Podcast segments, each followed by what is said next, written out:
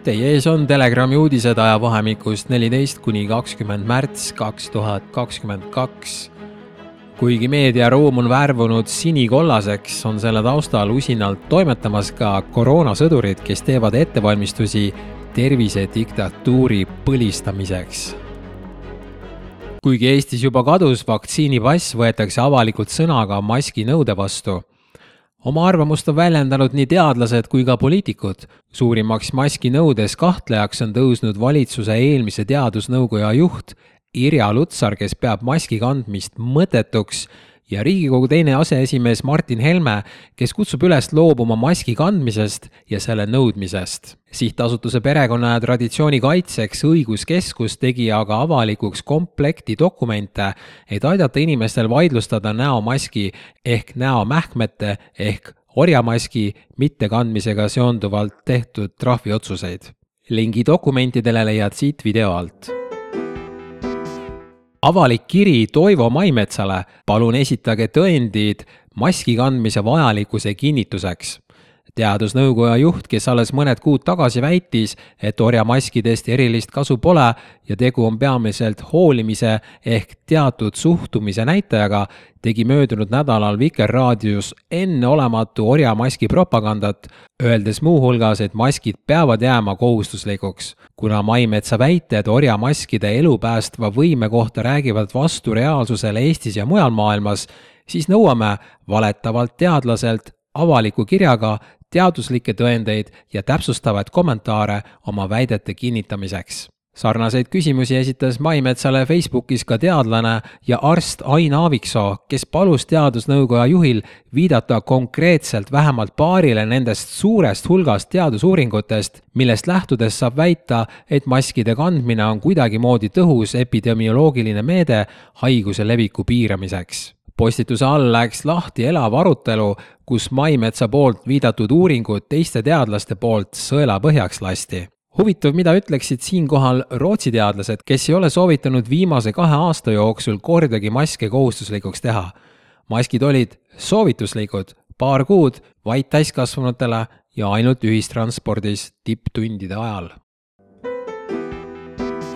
Euroopa Ravimiameti andmebaas Eesti on maailmas teisel kohal vaktsineerimise järgsete surmajuhtumitega. Euroopa Ravimiameti European Medicines Agency ravimi kõrvaltoimete andmebaasi Eudra Vigilance andmed näitavad, et vaktsineerimise järgsed surmajuhtumid võivad olla seotud revaktsineerimiskampaaniaga Eesti võib tunda uhkust, sest Austria väljaandes Wochenblick avaldatud aruandlusest selgub, et Eesti on maailmas teisel kohal vaktsineerimise järel aset leidnud surmajuhtumitega.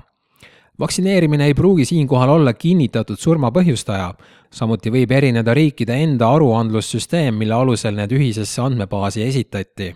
kuid teatavasti algas ühes vaktsineerimiskampaaniaga Eestis ka liigsurmade tõus, mida kahe tuhande kahekümne esimese aasta lõpuks kogunes lausa kolm tuhat üle keskmise tervise ja Heaolu Infosüsteemide Keskus kinnitas aasta lõpus Telegramile, et kahe süstiga kaitsepoogituid suri möödunud aastal lausa enam kui viis tuhat.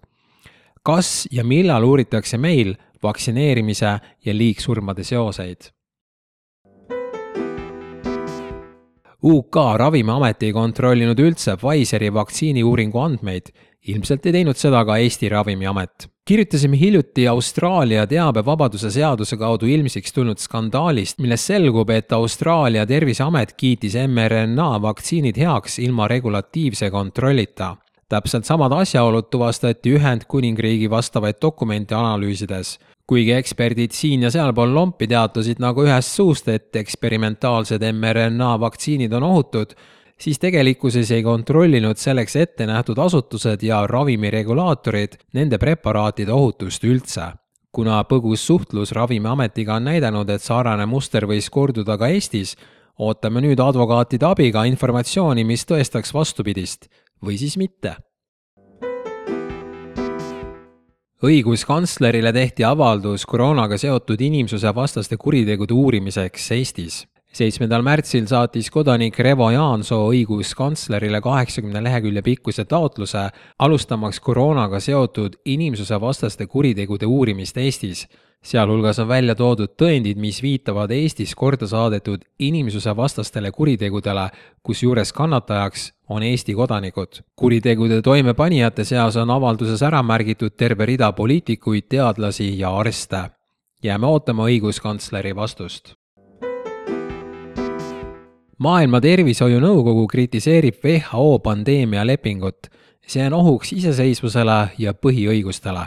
arstidest, teadlastest, advokaatidest ning kodanikuõiguste eest võitlejatest koosnev liit, Maailma Tervishoiunõukogu, nimetas avalikus kirjas Maailma Terviseorganisatsiooni WHO pandeemialepingut võimu haaramiseks WHO Maailma Terviseassamblee kohtus erakorraliselt eelmisel detsembril ning leppis kokku, et pandeemiate ärahoidmiseks luuakse valitsusvaheline läbirääkimiste erikomisjon, mille eesmärgiks on WHO konventsioonide, kokkulepete ja teiste rahvusvaheliste vahendite koostamine ja läbirääkimiste pidamine.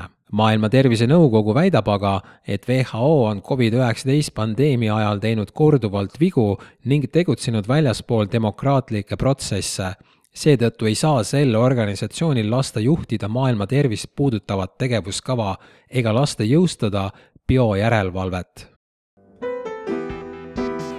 Siim Kallas reetis Eesti.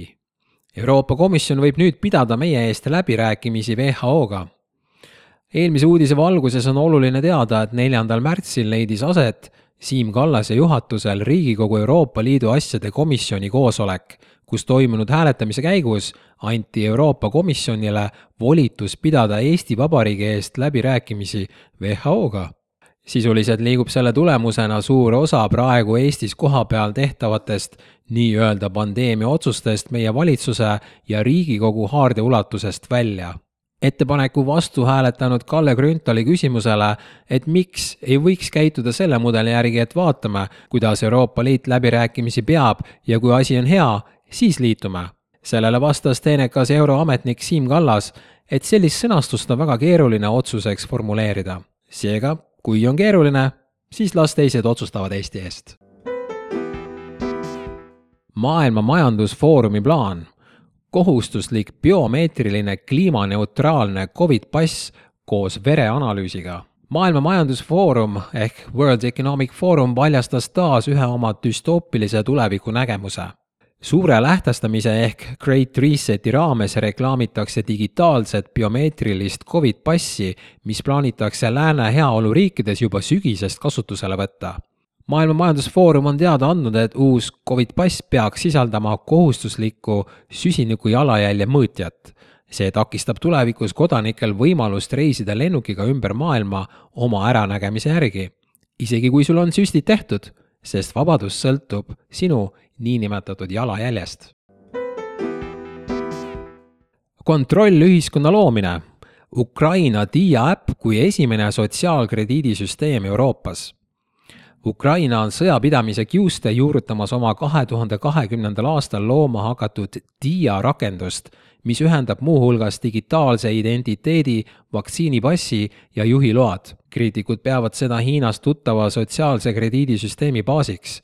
sisuliselt on rakenduse kasutaja iga liigutus riigile teada ja esimesi samme kontrollsüsteemi suunas on ka juba astutud näiteks vaktsineerimise eest saadava preemia või sajaga seotud hüvitise saamiseks on vaja olla rakenduse kasutaja huvitav, kas Zelenskõist saab nüüd maailma kangelane, kes juurutas imelise krediidisüsteemi?